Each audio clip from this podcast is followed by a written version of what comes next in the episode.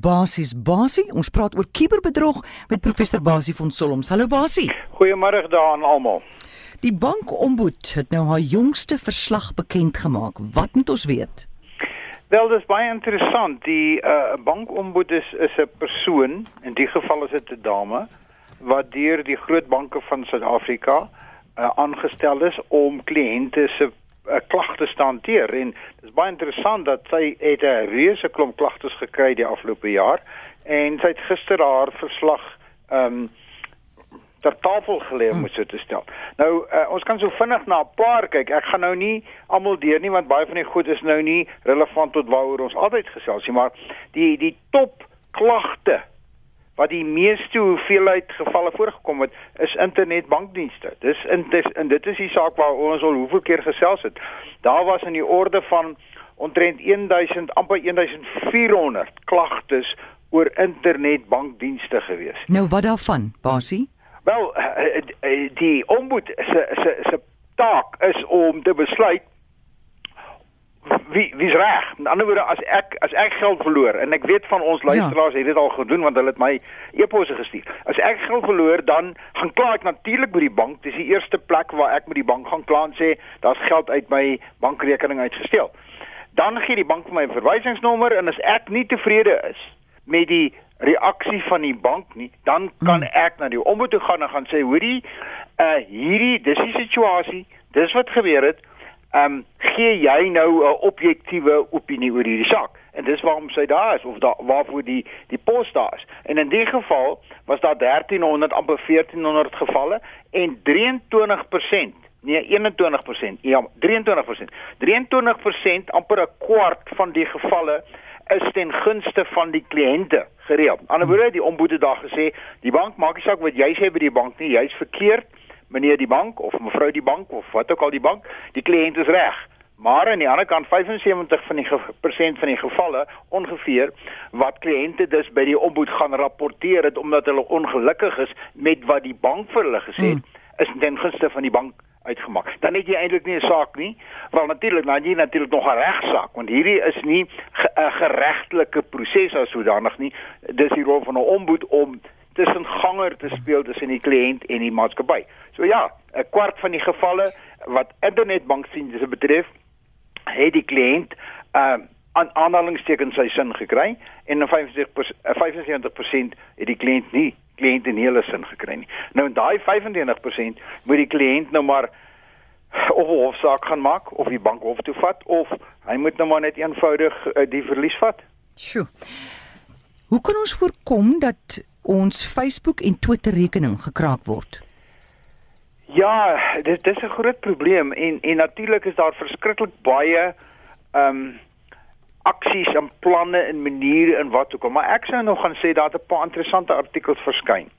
Ek sou sê die eerste ding wat luisteraars moet onthou is en moet weet en baie gebruik dit is jou foon vir alles jy 'n slim foon of enige foon ehm um, het 'n uh, 'n sluitmeganisme. Met ander woorde as jy as jy klaar is en jy het 'n oproep afgesluit of wat ook al of jy het 'n telefoonoproep afgesluit of wat ook al, dan kan binne 'n kwessie van 'n paar sekondes dan gaan die foon dood.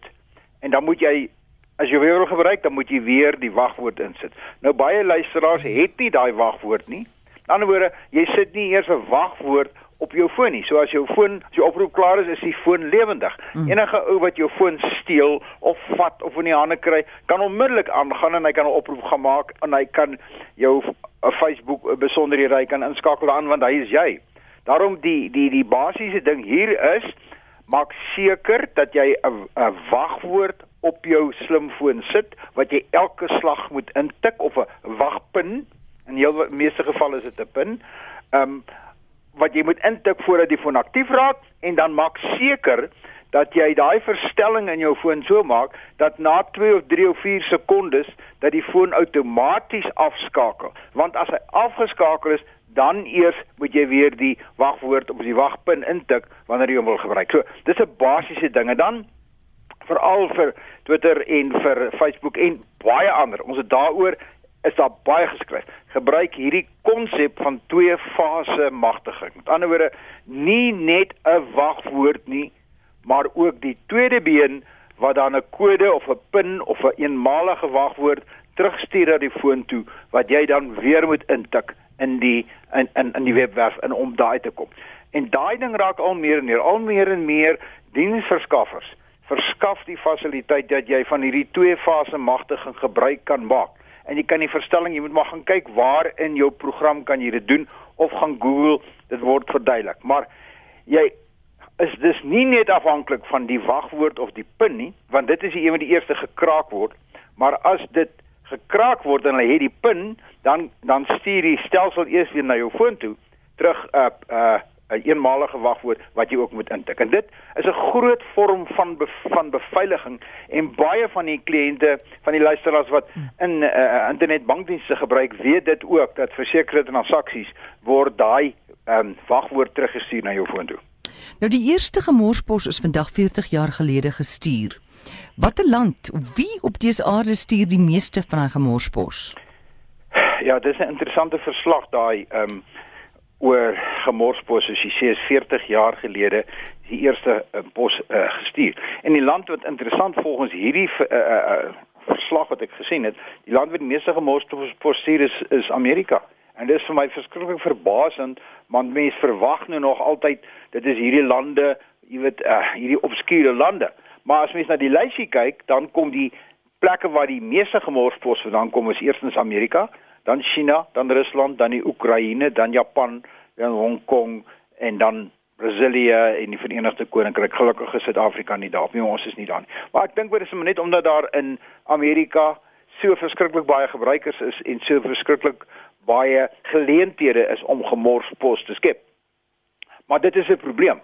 En die die die interessantheid van ehm um, gemorspos, hulle beweer, hierdie verslag beweer dat 60% van alle e-posse. In ander woorde, 6 van elke 10 e-posse wat daagliks oor die internet gestuur word of in die kuberruim is gemorspos.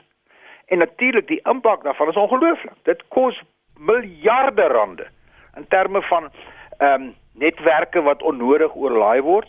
Ja. Dit kos miljarde rande in terme van produktiwiteit. As jy voor jou rekenaar sit of voor jou foon sit of waar ook al en jy kry gereeld elke 10 minute is hier 'n gemorspos, jou produktiwiteit neem af. En interessantheid van hierdie verslag is hulle beweer dat gemorspos is nie effektief nie. Dat die reaksie, dan word hulle kan 'n miljoen e-posse gemorsposse uitstuur. Die reaksie van mense wat daarop reageer, né, wat dan iets koop, want nou dis die doel van die gemorspos om vir jou uit te lok om te klik op 'n skakel of om iets te koop of 'n produk te adverteer, wat ook al is maar is minder as 1%. Ek dink dis iets soos 0.03%. So dit is nie 'n vreeslike effektiewe manier van bemarking nie en dit irriteer ons almal uit ons huise uit. En verder interessant, die die gemors tipe gemorspos wat woon in die lys is, is oor mediese dinge oor medisyne wat jy goedkoop kan koop oor die internet of spesiale produkte wat jy hier kan aansmeer en daar kan hm. aansmeer. Dit is gemorspos. Nou Ja. Uh, uh mens kan dit mos blok man. Ja, dis iets wat ek nou wil doen. Uh, ek wil sê, jy kan dit blok, maar baie mense vra vir my waar, waar kry ek 'n uh, 'n uh, uh, antifilter of 'n ja. e-pos blok masjien? Nou daar's 'n interessante verslag wat ek gekry het wat uh, weer eens 'n evaluasie doen van wat is die beste anti-blok filters wat 'n mens kan gebruik word vir Android en vir vir Apple en die tipe dinge. En die verslag gaan ek op die webwerf sit van die universiteit van Johannesburg se sentrum vir kubersekerheid. Hy gaan so binne 'n paar dae gaan hy daar wees. Dis by www.cybersecurity.org.za en gaan lees gerus daar. Baie van hierdie pakkette, soos die antiviruspakkette en die anti-kwaadwillige programmatuurpakkette en die goed wat ons gedurig deur oor praat, daar's 'n hele lys van hulle ook daar. Maar hierdie een is spesifiek nou om gemorspos te blok want dit bly 'n baie groot probleem. Sê ons het hier 'n oproep van Kobie, hy wil vir jou vra. Vra hallo Kobie. Welkom. Hallo, Kobie. Uh, goeiemôre, môre. Goeiemôre, Basie. Ek wil net ek wil net vinnig gou iets vra in terme van ek verstaan die sekuriteit rondom die PIN-nommer op jou foon ehm um, vir die beveiliging van jou sosiale media en die tipe goeder. My vraag gaan net rondom wat gebeur in geval van jy's in 'n motorongeluk of 'n nood en die paramediese en ander persone kan nie jou PIN-nommer identifiseer nie. Hoe kom iemand by jou naasbestaanes uit dan? Dit dis 'n goeie vraag. Kyk, dit is 'n baie goeie vraag. Uh as ek as ek gou reg verstaan, dan gaan dit gewoon daaroor dat ek en jy dra op ons foon dra ons 'n klomp nommers. Uh en hulle uh, hulle sê byvoorbeeld as jy met altyd 'n nommer insit wat iets iets begin soos uh ehm um, huis jou huisnommer of wat ook al dat hulle dadelik soontoe kan gaan en gaan kry. Nou is Kobie se vraag en ek dink dit is baie goed. As ek dan nou hierdie meganisme volg in my foon skakel af en ek het 'n pinnommer nodig om by daarby uit te kom wat maak hulle? Dis 'n baie goeie vraag, dit kan nie. Geen manier wat hulle dit kan doen nie. Daarom sou ek sterk aanbeveel. Ek sou dit sterk aanraai. Almal van ons het deesdae 'n houertjie waar in jou slimfoon is, waar in jou foon is. Sit in daai houertjie. Plak in die binnekant 'n stuk papier vas en skryf duidelik daarop noodinligting of emergency information. Dat dit daar is, die oomblik as hy jou foon vat en hy maak hom oop of hy blaai hom of plak dit agter op hom vas of waar ook al. Want hierdie is 'n baie belangrike kommentaar. As jy jou foon so beskerm, dan gaan die noodmense nie by daai nommers uitkom nie. So gee vir hom daai nommers op 'n ander manier om in daai geval kontak te maak. Goed, dankie Kobie. Dankie. Totsiens. Ons wat gou laaste vraag Charlotte, goeiemôre. Middag Amore en die professor. Uh selfone. Uh ek kom 'n tendens agter professor. Daar word baie fone, selfone gesteel wat dan natuurlike netwerke ge, uh, gebruik word uh syndikaate en so meer. Uh daar is natuurlik by die diensverskaffers ook mense wat saamwerk synde dan dat ons uh, sit dat Rika omseil word.